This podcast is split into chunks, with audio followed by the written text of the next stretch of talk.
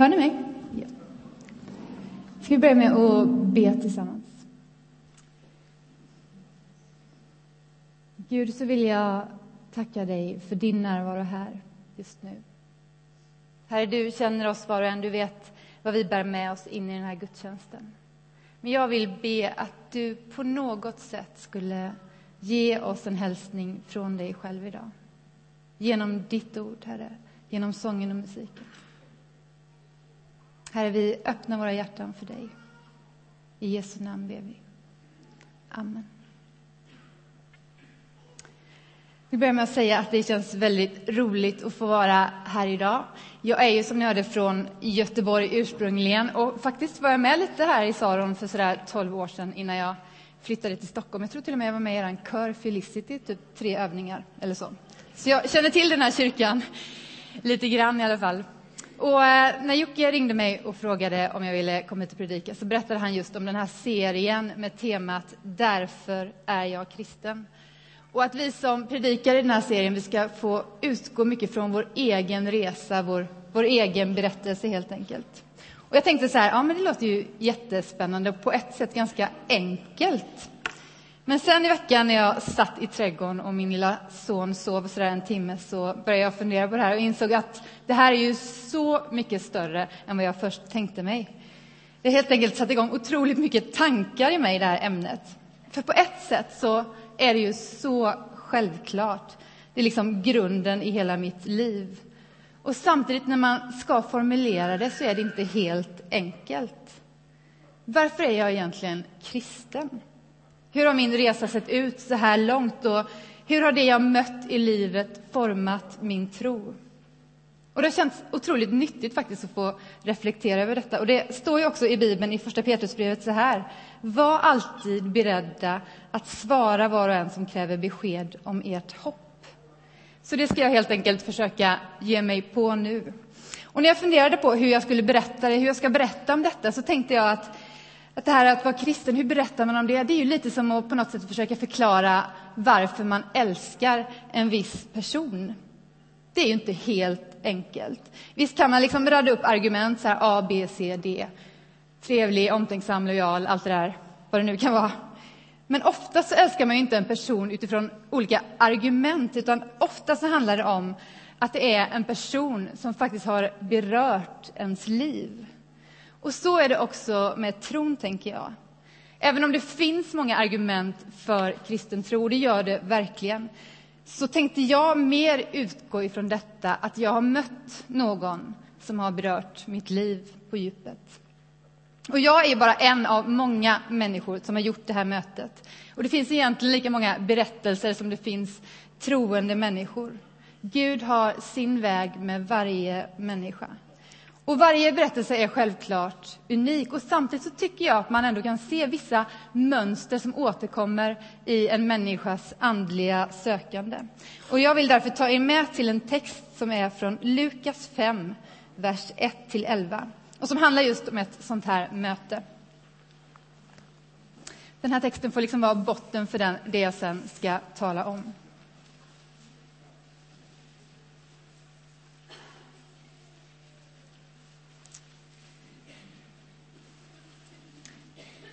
Nu har prasslet börjat lägga sig. Då kör vi. Vers 1. En gång när han stod vid Genesarets sjön och folket trängde på för att höra Guds ord fick han se två båtar ligga vid stranden. Fiskarna hade gått ut för att skölja näten. Han steg i den ena båten, som tillhörde Simon, och bad honom att dra ut ett litet stycke. Sedan satte han sig ner och undervisade folket från båten. När han hade slutat tala sa han till Simon Ro ut på djupt vatten och lägg ut näten där. Simon svarade, Mästare, vi har hållit på hela natten utan att få något, men eftersom du säger det ska jag lägga ut näten. Och de gjorde så, och de drog ihop en väldig mängd fisk. Näten var nära att brista, och de vinkade åt sina kamrater i den andra båten att komma och hjälpa till. De kom, och man fick så mycket fisk i båda båtarna att de höll på att sjunka. Då kastade sig Simon Petrus ner vid Jesu knän och sa Lämna mig, Herre, jag är en syndare.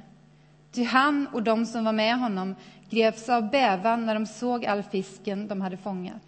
Likaså Jakob och Johannes, Sebedaios söner, som hörde till samma fiskelag som Simon. Men Jesus sa till Simon, var inte rädd. Från denna stund ska du fånga människor.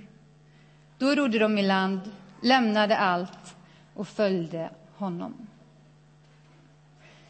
Det var en sån där morgon när solen hade börjat gå upp vid Genesarets sjö.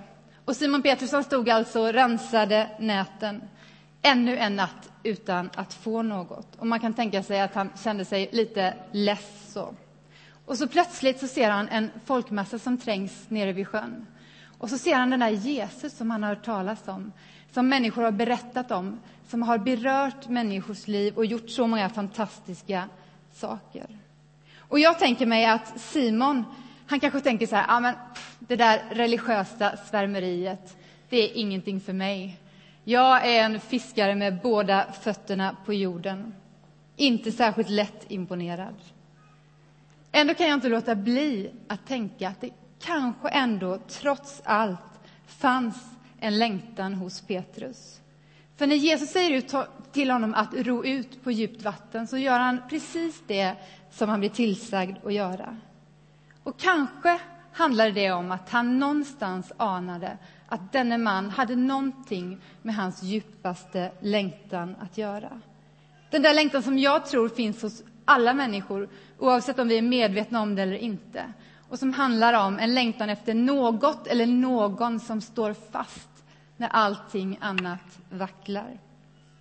Och det är ju ändå intressant, tycker jag, att alla folk i världen är religiösa på något sätt. Alla förutom visst några av västländerna på senare år, även om det också håller på att ändra sig om man läser forskningen. Man säger ju att religionen är på återtåg i Europa och också i Sverige. Men hur kommer det sig då att människor i alla tider och i alla kulturer har haft en längtan efter Gud, efter det övernaturliga?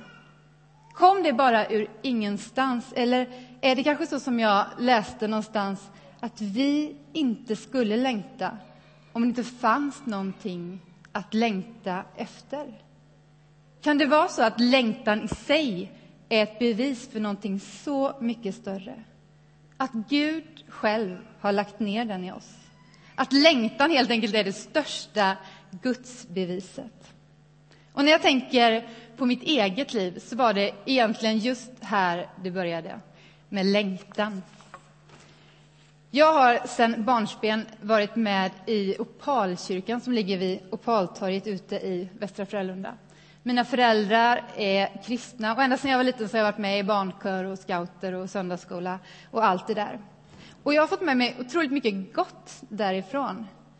Det jag framför allt tror jag att jag har fått med mig det är att jag har fått se människor som har hittat en tro som har påverkat hela deras liv.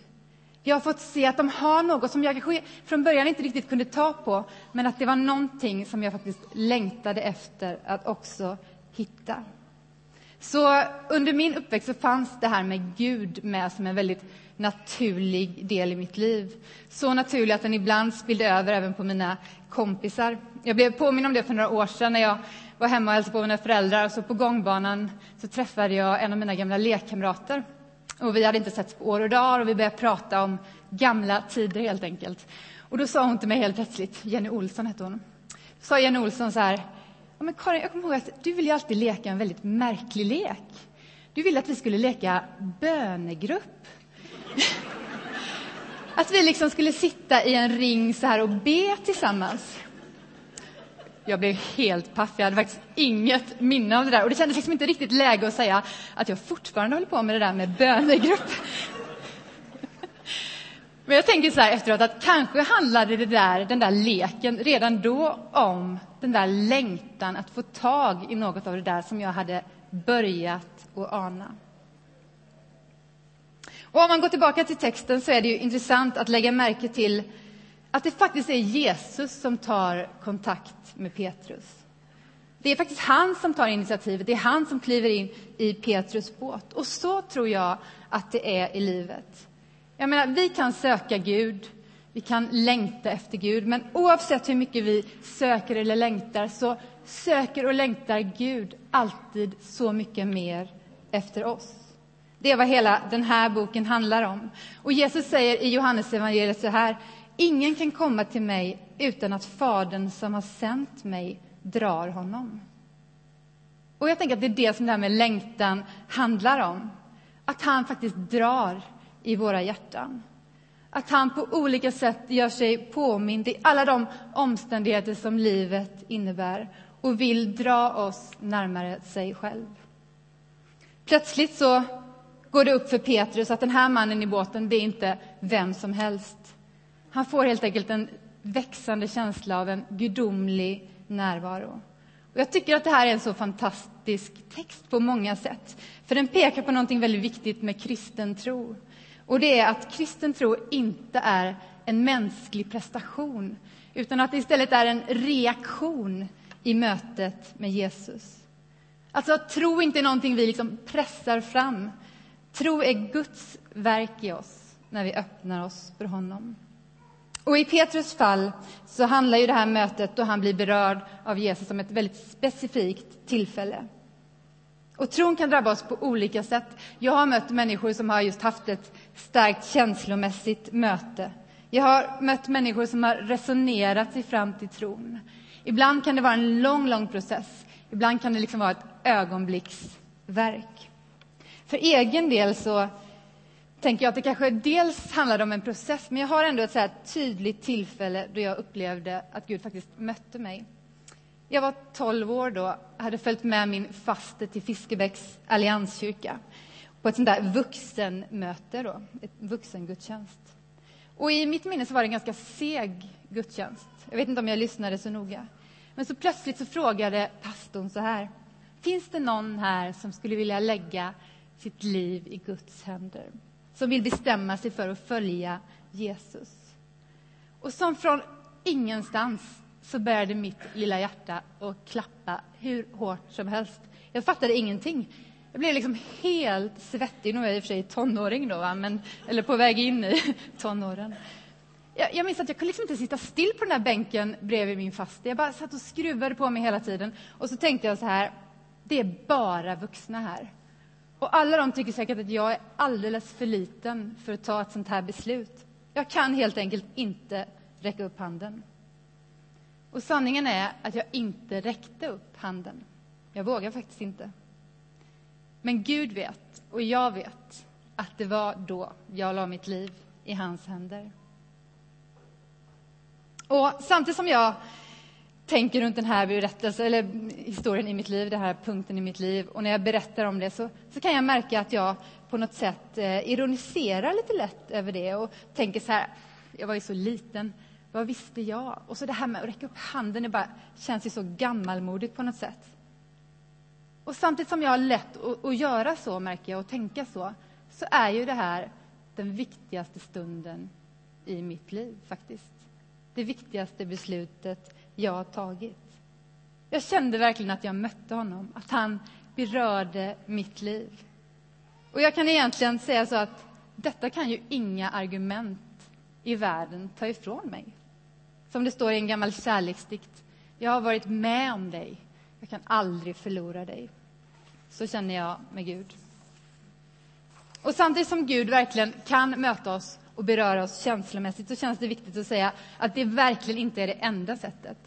Gudstrons styrka sitter inte i något så flyktigt som människors känslor. De går ju som bekant upp och ner. Och att vara kristen handlar inte främst om känslor, utan det handlar ju om tro. Ordet tro i Bibeln är identiskt med ordet tillit, både i Gamla och Nya testamentet. Tro handlar alltså om att sätta sin tillit till Gud, att finna honom trovärdig, att lita på hans löften, också när man inte känner någonting. Och ibland så säger folk till mig så här att det är inte konstigt att du är kristen, du har vuxit upp med kristna föräldrar, du har funnits med i kyrkan. Och på en nivå är det säkert sant. Jag har ju fått höra om Gud länge och jag har fått se vad tron kan göra i människors liv. Men samtidigt kan jag ibland tänka att just när man har den bakgrunden som jag har så är det kanske ännu viktigare att få hitta sin egen väg. På sitt sätt få göra tron till sin egen. Och genom livet så har jag haft många frågor och funderingar. Jag mötte faktiskt min konfirmationspastor i ett sammanhang för ett tag sedan. Och han sa det, ja, men jag minns dig som en så väldigt frågvis konfirmand som kunde driva diskussioner i all oändlighet. Nu när jag själv jobbar med konfirmander så låter det ganska jobbigt, som en jobbig konfirmand helt enkelt. Men samtidigt så tror jag att jag var bara tvungen att få se om det höll, om det gick ihop. Liksom. Jag var tvungen att se det för mig själv, liksom. inte bara vad alla andra sa. Och dessutom så hade jag många vänner som inte var kristna och som utmanade mig otroligt mycket i min tro. Och få människor har fått mig att växa som dem genom alla samtal genom åren. Så är det fortfarande. Och frågor och tvivel kan ju finnas lite på olika plan, tänker jag. Det kan ju ligga på ett intellektuellt plan, alltså går det här ihop? Men det kan också ligga på ett mer personligt plan.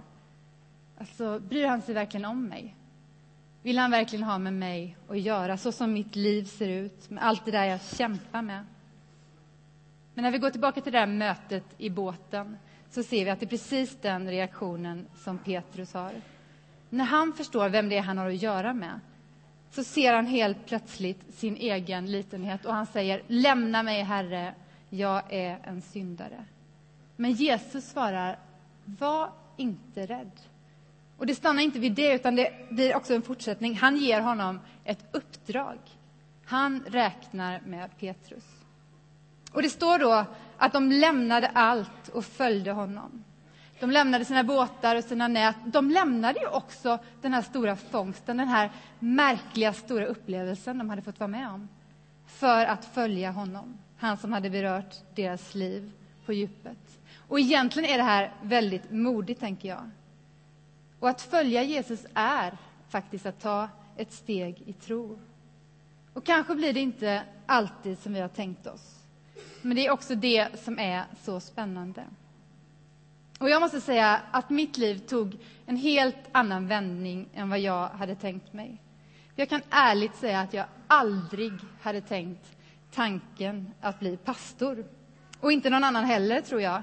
När jag installerades, som det heter, som föreståndare i Centrumkyrkan, då var min pastor från kyrkan här i Göteborg med och skulle hålla ett litet tal där i gudstjänsten. Och då sa hon bland annat att av alla i ungdomsgruppen så var Karin den sista jag trodde skulle bli pastor.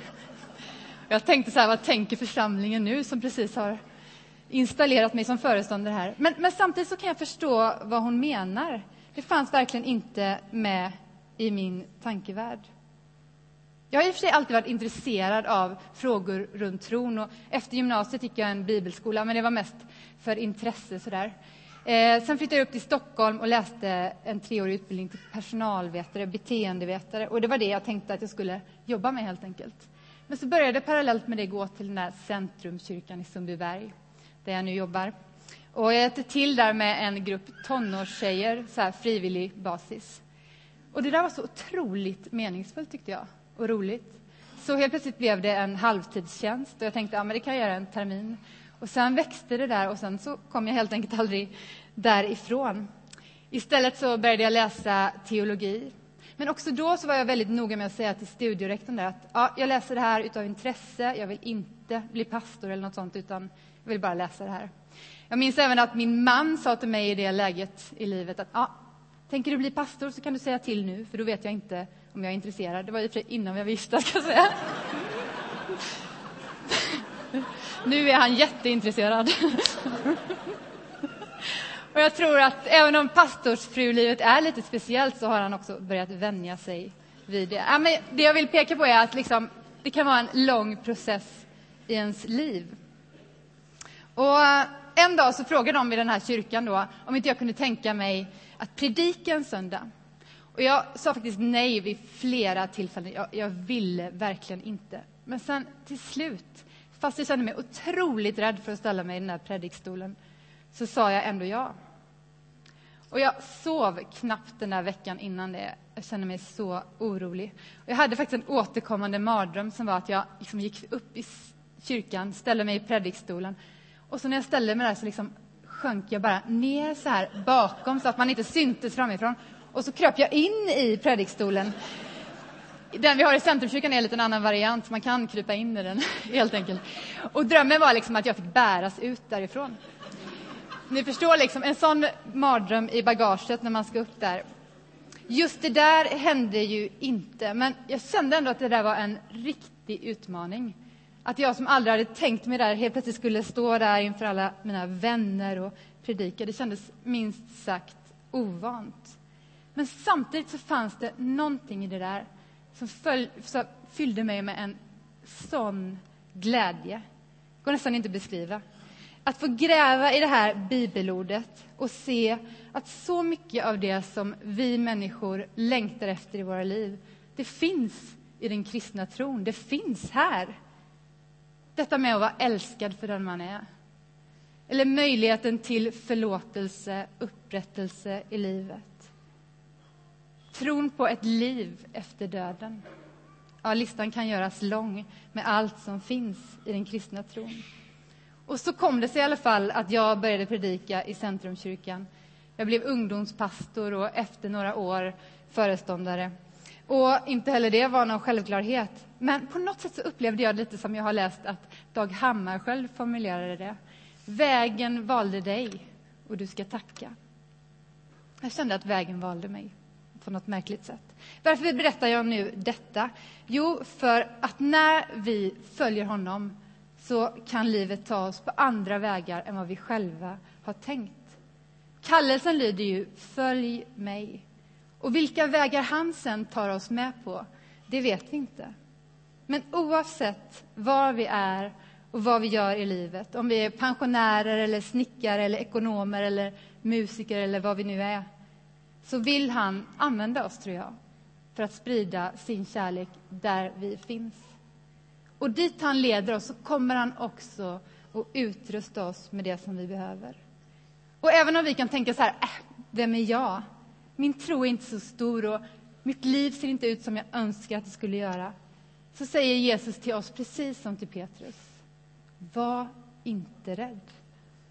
För det handlar inte om styrkan i vår tro. Det handlar om styrkan hos honom som vi sätter vår tro till. Som Paulus säger, i svagheten blir kraften störst. Och de orden har burit mig så många gånger. För livet är ju inte alltid enkelt. Och nu kommer vi in på något som också tillhör tron, och det är detta med kampen. Vi vill helst inte tänka så mycket på det där. Vi lever i en kultur där vi tänker att ett meningsfullt liv det är liksom en rakt uppåtstigande kurva, så här liksom. bättre och bättre dag för dag. Och som kristen kan man kanske få för sig att bara man tror på Gud, då kommer allt gå som på räls. Men när vi läser Bibeln eller när vi ser till våra egna liv så vet vi ju att det inte är så. Och när man läser vidare om Petrus så ser man att det inte bara skulle komma och vara enkelt för honom. När han började följa Jesus så var han så entusiastisk och fylld med framtidstro och förväntan. Han hade börjat förstå att Jesus var Messias, den som alla väntade på. Han som skulle ställa allting till rätta. Och han hade ju rätt, Petrus. Och samtidigt hade han fel. För Jesus är ju verkligen den som de väntar på och han skulle verkligen ställa allting till rätta. Men inte på det sätt som de trodde. Och när sedan Jesus dör på korset så dör också allt det som Petrus har drömt om och hoppats på i sitt liv. Det han har satsat sitt liv på, helt enkelt. Och hur ska man egentligen tänka när livet inte blir bättre och bättre dag för dag?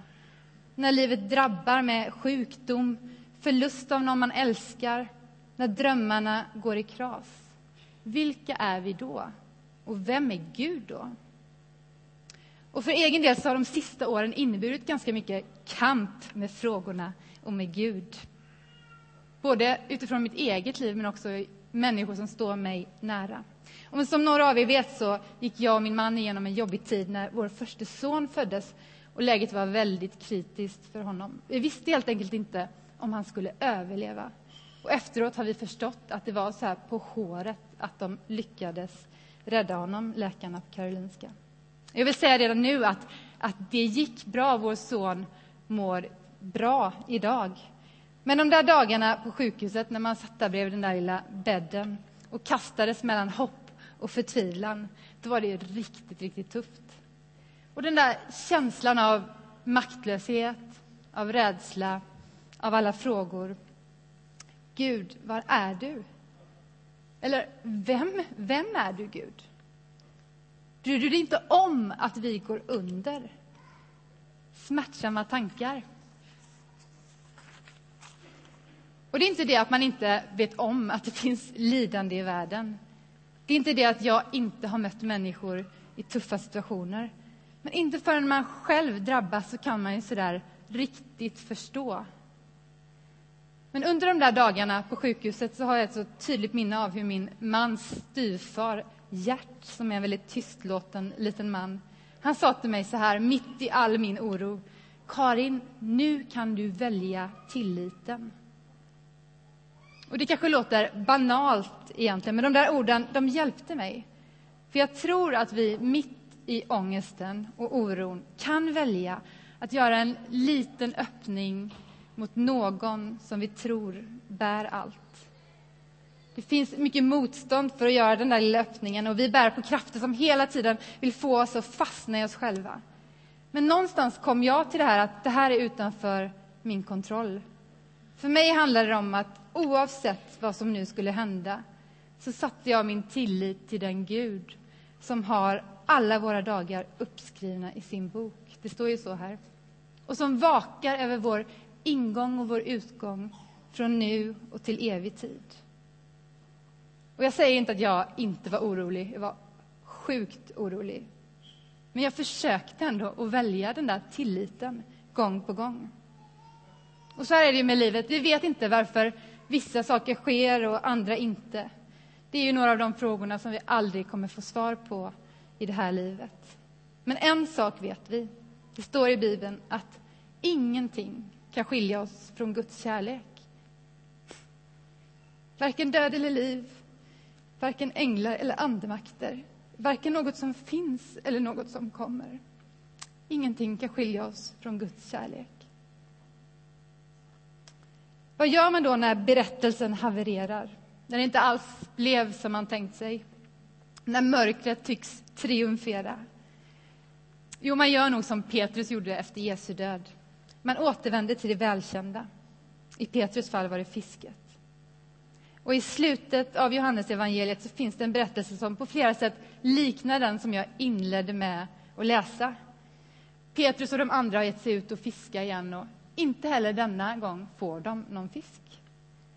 Då, säger berättelsen, står det plötsligt en person på stranden.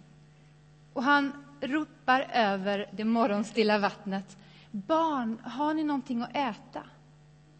Och Det grekiska ordet som används här det går också att översätta med svenskans grabbar. faktiskt. Grabbar, har ni någonting att äta?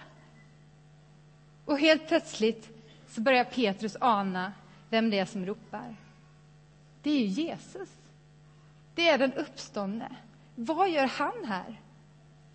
Ja, vad gör han egentligen? Jo, han står på stranden och grillar fisk åt dem. Mitt i allt deras mörker, mitt i allt det som de går och grubblar över, så vill han visa dem sin omsorg, trots allt. Och så har jag också upplevt det. Mitt i lidandet, mitt i frågorna har jag trots allt många gånger kunnat se hans omsorg. Inte alltid med en gång, ibland kanske efteråt. Ofta i små, små detaljer, i märkliga sammanträffanden, i en hälsning genom någon människa, genom naturen. Och sådana tecken på hans kärlek har för mig blivit en uppmuntran ändå att överlämna mig till honom. Och många gånger är det så mycket starkare än teologiska resonemang. Men jag har känt att han finns där, trots allt, mitt i allt. Vi lär känna Gud på olika sätt i olika perioder av våra liv. Och när jag tänker på de här senaste åren så kan jag känna att jag har kommit honom närmare på ett sätt. Och samtidigt så känns han mer ogreppbar. Och kanske handlar det om att jag har insett att han är så mycket större än alla mina tankar om honom. att han är outgrundlig. Det är som att ju mer jag fattar, ju mindre fattar jag. Och kanske är det som det ska. Och livet är inte bara en dans på rosor, det vet vi. Det innehåller också mycket lidande och kamp, och vi är inte lovade någonting annat. Men min tro är att vi inte är utlämnade till oss själva. Att han går med oss och delar vår smärta. Och nu i veckan, innan jag åkte hit, så frågade jag bara en kompis, apropå temat här idag, varför är du egentligen kristen? Och hon svarade sådär direkt, ja, dels är det för att jag tror att det är sant, men sen är det också för att jag vet att jag aldrig är ensam. Och jag är beredd att hålla med henne. Det finns en oerhörd vila i att oavsett vad som händer, om jag lever eller om jag dör, så tillhör jag honom. Jag är aldrig ensam. Jag vet inte hur du har det den här morgonen. Jag vet inte vad du tänker om honom. Kanske har du en stark och tillitsfull tro. Eller kanske är din tro bara som en liten flämtande låga som du knappt ens skulle våga kalla tro. Men den som inte kan peka på någonting i sitt inre utom sin oro, men som riktar sin längtan, sin oro mot Jesus Kristus, den personen ska veta att just det är tro. Tro handlar inte om styrka, om styrkan på vår tro. Det handlar om riktningen, riktningen på vår tro, vem det är vi tror på. Och min tro är att han faktiskt längtar efter oss, var och en. Att få möta oss och visa oss sin kärlek, trots allt och mitt i allt. Ska vi be?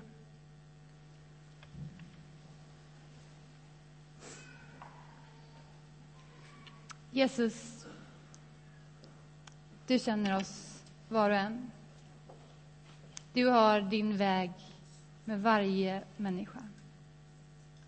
Och just nu så vill jag be att vi skulle få se dig ännu tydligare i våra liv. Att du faktiskt finns där, mitt i den situation vi befinner oss i, och att du älskar. Herre, öppna våra ögon, öppna våra hjärtan för dig och låt oss få känna att fast livet kan vara tungt så finns du där och du bär och du delar vår smärta. Amen.